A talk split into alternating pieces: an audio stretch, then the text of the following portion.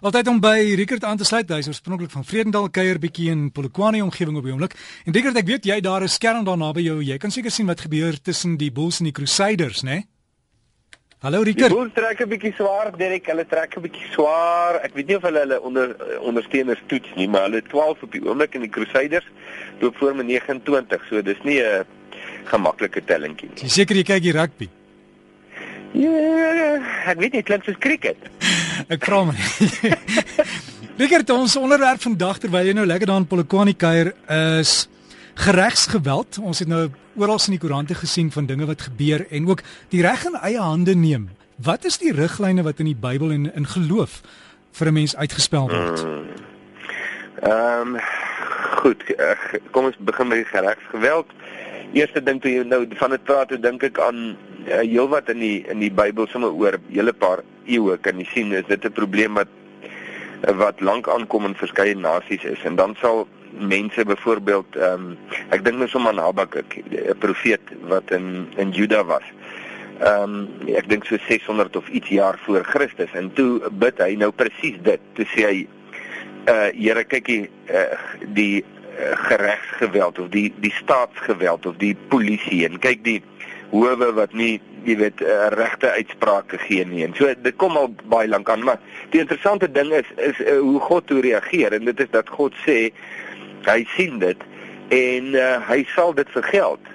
Nou dit is 'n baie belangrike ding om te verstaan. Jy weet dat wanneer 'n land in daai rigting begin beweeg, dan beweeg hy uh, op 'n plek waar hy Nou goed, dis net sommer my woorde waar hy hom in God gaan vasloop op 'n negatiewe manier, nie 'n positiewe manier nie. En uh, en dat God sê dit is altyd so. Nou toe wil Habakuk nou weet net gou om hy gedagte vol te maak. Toe wil hy weet maar hoe gaan die Here nou die straf wat hy nou van praat, jy weet oor die nonsens wat in daar gebeur en die bloedvergieting en die so aan hoe hoe gaan hy dit nou uitvoer en toe sê die Here maar hy gaan die Galdeërs stuur. En toe is Habakuk natuurlik stom geslaan want die Galdeërs is groter milies as as die ouens hy is en hy voel net dis jy weet stuur aan beter mense nie slegter mense stuur nie. En toe sê hy hy sê maar Here jy kan nie hulle stuur nie hulle is dan baie erger. En, en interessant toe die antwoord wat God gee sê maar oor hier die Galdeërs staan ook onder my oordeel. Daar's geen nasie volk of taal of regering of mense wat verhewe is bo die regverdige uitsprake van God nie. So ek dink, jy weet, die oomblik as jy daai ding vra, dan is dit een van die eerste goed wat ek wil sê, naamlik dat God dit sien en dat hy verseker reg en geregtigheid sal laat geskied. Dit gebeur dalk nou nie die einde van hierdie week of wanneer ek dit nou wil hê nie, maar dit sal definitief kom. Richard, maar Jesus was ook 'n slagoffer van regsgeweld, né? Nee? Ja, verseker. Ja, daar's 'n daar's 'n snaakse daar's 'n uh, waar jy dit kry, Derek, en dis waar Jesus ook 'n slagoffer is. Is ehm um, jy kry twee soorte kerke in in die wêreld en ons het al baie daaroor gepraat. Nou, dit is nou nie my uh, analise nie. Dis nou wat God sê en dit kom baie in die Bybel voor. Jy kry nee, die, jy kry die regte kerk of God se kerk of die ware kerk, hoe jy dit nou ook al wil sê of die ehm um, eiendom van God en dan kry jy natuurlik nou die imitasie wat mense daarvan maak, nê, nee, of dan nou die valse kerk of die mense se kerk of so. En uh, snaaks genoeg, hierdie kerk raak net so aggressief en uh, hy raak net so gewelddadig. So in die geval van Jesus dan kry jy beide, jy kry regsgeweld, jy weet waar hierdie ouens hulle totaal al te buite gaan. Die die um, beskermers van die volk raak die ek wil amper sê die verkragters van die volk en dan kry die kerk wat lustig meedoen daarin en amper die sassa maker is. Jy weet om te sê, "Sa, vat so, jy weet nog 'n bietjie, slaap nog, jy weet doen nog."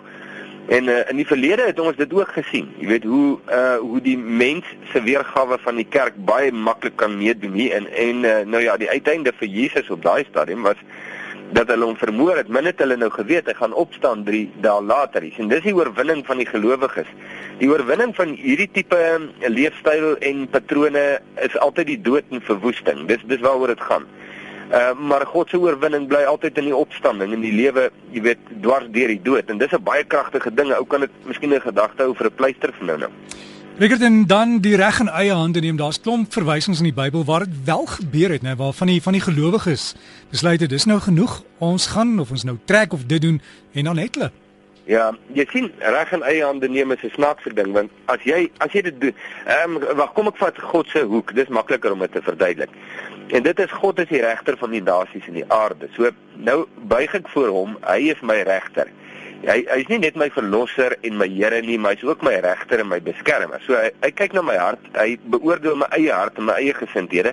Maar eh, ek leef in 'n wêreld omring deur mense en ander faktore en dinge. So sy regspraak in hierdie lewe is vir my geweldig belangrik. Maar die oomblik wanneer ek die regspraak self begin uitvoer, ek begin dit in my hande neem. Ek begin optree wat ek dan doen, Derek en dit is nou hoe dit nou uit my hart uitkom vanoggend. Dan neem ek God se posisie in van regter wees. Uh jy weet om, om om uitsprake oor mense te maak of sommer op te tree omdat ek nie kan wag vir God se optrede en ek voel hy vat nou te lank of hy doen nie wat hy moet nie of sy sy optrede is te gematig, dit moet baie meer drasties wees. En die oomblik as ek dit doen, dan verhef ek my tot God se vlak of hoër. En uh, dan het ek onmiddellik moeilikheid want dan sê ek God is nie werd of bekwam of wat ook al begaafd genoeg om regter te wees nie. Ek gaan dit doen. Nou dis wat jy sien. Nou die uiteinde van dit van reg in eie hande neem. Ou kan die ouens sê ja, maar die ouens nou baie banger om te steel hoor as hulle bietjie pak gegee word.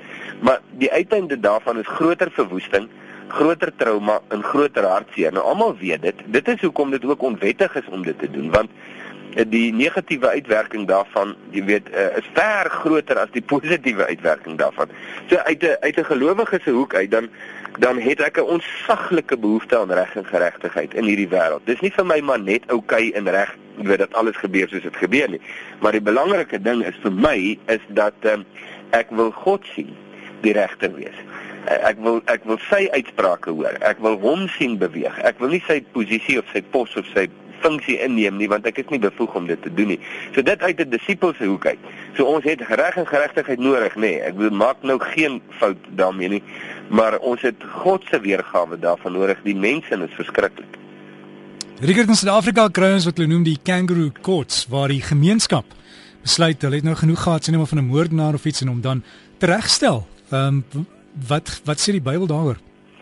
Ja, daai ding, jy weet, um, weet jy, daai jy vra my eintlik nou 'n stekende vraag want jy lok my uit om nou te sê wat ek dink in my hart. Maar nou nou sien ek maar, jy weet God het onder andere in die regstelsel van Israel het hy uh, het hy die doodstraf ingebring vir mense wat wat moord pleeg en so aan. Ehm um, en ek weet ons land het dit nou weggeneem en baie keer dan dink 'n mens, miskien moet dit terugkom want dit laat mense twee keer dink want ehm um, 'n misdadiger eh, wil graag sy eie lewe behou. Jy weet hy hy dink niks van die mense se lewens om hom nie, maar die oomblik as 'n slagoffer 'n pistool op hom rig, dan hardloop hy vir sy lewe want hy ag sy eie lewe kosbaar, nie die mense se om hom nie.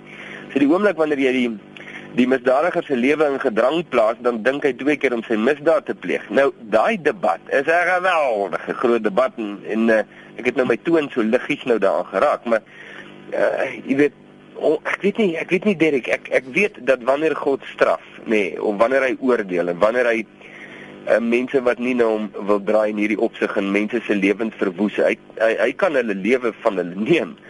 Ehm um, jy weet daar's daar's 'n baie drastiese maatreel wat God kan instel, baie drasties. Uh, wat my rol in dit is, is net vir my baie onseker. Uh, al wat ek weet is, maak nie saak wat ek doen nie um, en hoe ek teenoor hierdie goed staan nie. Ek wil net nie in die proses teenoor God staan nie. Ek wil net nie in in my behoefte aan reg en geregtigheid om dinge te laat regloop nie. Misdadigers se straf vir hulle hulle misdadigheid en liefdeloosheid wil ek in die proses self 'n misdadiger word nie. Jy sien. Dis dis my groot ding en nou net een versie sommer wat ek nou aan dink. Ek dink aan ja Openbaring 6 waar die gelowiges bid. Hulle staan om God se troon. Hulle is almal vermoor, keel afgesny op wreed maniere vermoor omdat hulle gelowiges is en toe bid hulle. Toe sê hulle hoe lank nog heilige en waaragtige heerser voor U ons onskuldige bloed wreek op die bewoners van die aarde. So jy sien definitief 'n vergeldingsfaktor. Jy weet, ehm um, want God kan nie 'n liefdevolle God wees as hy nie ongeregtigheid straf nie. Uh, maar my rol, my rol, dis nou waaroor dit gaan. En uh, ek moet baie seker maak ek hou my hart rein in hierdie proses die hele tyd voor God. Ja, Rickert en uh, moet jy maar nie aan 'n wang ook draai nie, né? Ja, daar's 'n baie beduidende plek daarvoor, nê. Uh, as jy nou praat van wang draai, dan praat jy nou maar van uh, menseverhoudinge en beledigings en mense wat jy weet eh, wat jy seer maak en wat jy teleurstel en jou eerste reaksie is om hom terug seer te maak. Uh en waar Jesus dan sy disippels leer uh, dat hulle nie aangetast moet wees deur beledigings nie. En uh, en jy weet die die gewone liefdeloosheid, die algemene liefdeloosheid van mense om hulle en dat hulle selfs hulle vyande moet lief hê. Nou, jy weet hierdie tipe uitsprake dryf die wêreld baie graag die spot mee omdat dit totaal en al onmoontlik is as jy nie onder die gesag van God staan nie. En daarom is dit die tong te toets, want hierdie goed is hard. Misdaad en liefdeloosheid en die gevolge daarvan is baie hard, baie werklik en geen jy weet sagte orgelmusiek in die agtergrond nie. So jy weet om in hierdie omstandighede te kan staan en te leef soos wat God lewe beteken jy moet onder die gesag van God staan jy kan dit nie fake nie jy weet jy kan nie geestelik probeer wees nie jy's jy's of onder God se gesag en jy leef dit spontaan deur jou lewe of nie en uh, en dis 'n jy weet ek dis 'n dis 'n groot saak en miskien is dit een van die vrugte waarna jy kan uitken of iemand regtig 'n verhouding met God het of nie. Ja, Rigert, ons kan nog baie daaroor gesels en baie mense sê maar hulle bid vir vir beskerming en hulle kry dit nie. Maar ons sal op 'n ander keer daaroor gesels. Wat is jou pleister vandag? Ehm um, ja, kom ons hou by die die pleister wat sê, dis vir my eintlik 'n groot vertroosting, so nou gee ek dit sommer vir jou ook. Uh en dit is dat God is absoluut regverdig en geen onregverdigheid of ongeregtigheid uh ons sien hy nie. Jy weet uh, en daar's niks wat jy jy weet niemand daar's nie 'n ander manier daar's nie 'n ander benadering nie. God sien dit. Uh, hy straf nie altyd dadelik nie. Jy weet die goed wat om in die gruwel goed wat om ons gebeur nie. En die groot rede is omdat hy self daardie uh, misdadigers die kans gee om na hom toe te draai. Maar dat hy regverdig is en uh, dat hy liefdevol is en dat hy in sy liefde regverdig is dis 'n groot pleister en dat God sê moenie dink hy's nie in beheer nie, boosheid het alles oorgeneem nie, dis nie waar nie. Hy sit op die troon, hy regeer en hy sal sy regspraak lewer. As jy Richard alles van die beste geniet het in Polokwane. Dankie, dankie Derek, lekker naweek vir jou. Vir jou dankie. So gesels ons dan met Richard Botha en hy's 'n leraar en hy's daar uit Vredendal en as jy hom gaan soek op Facebook is in Jesus se voetspore. Kan jy net die die like knoppie druk en dan kan jy by sy groep aansluit.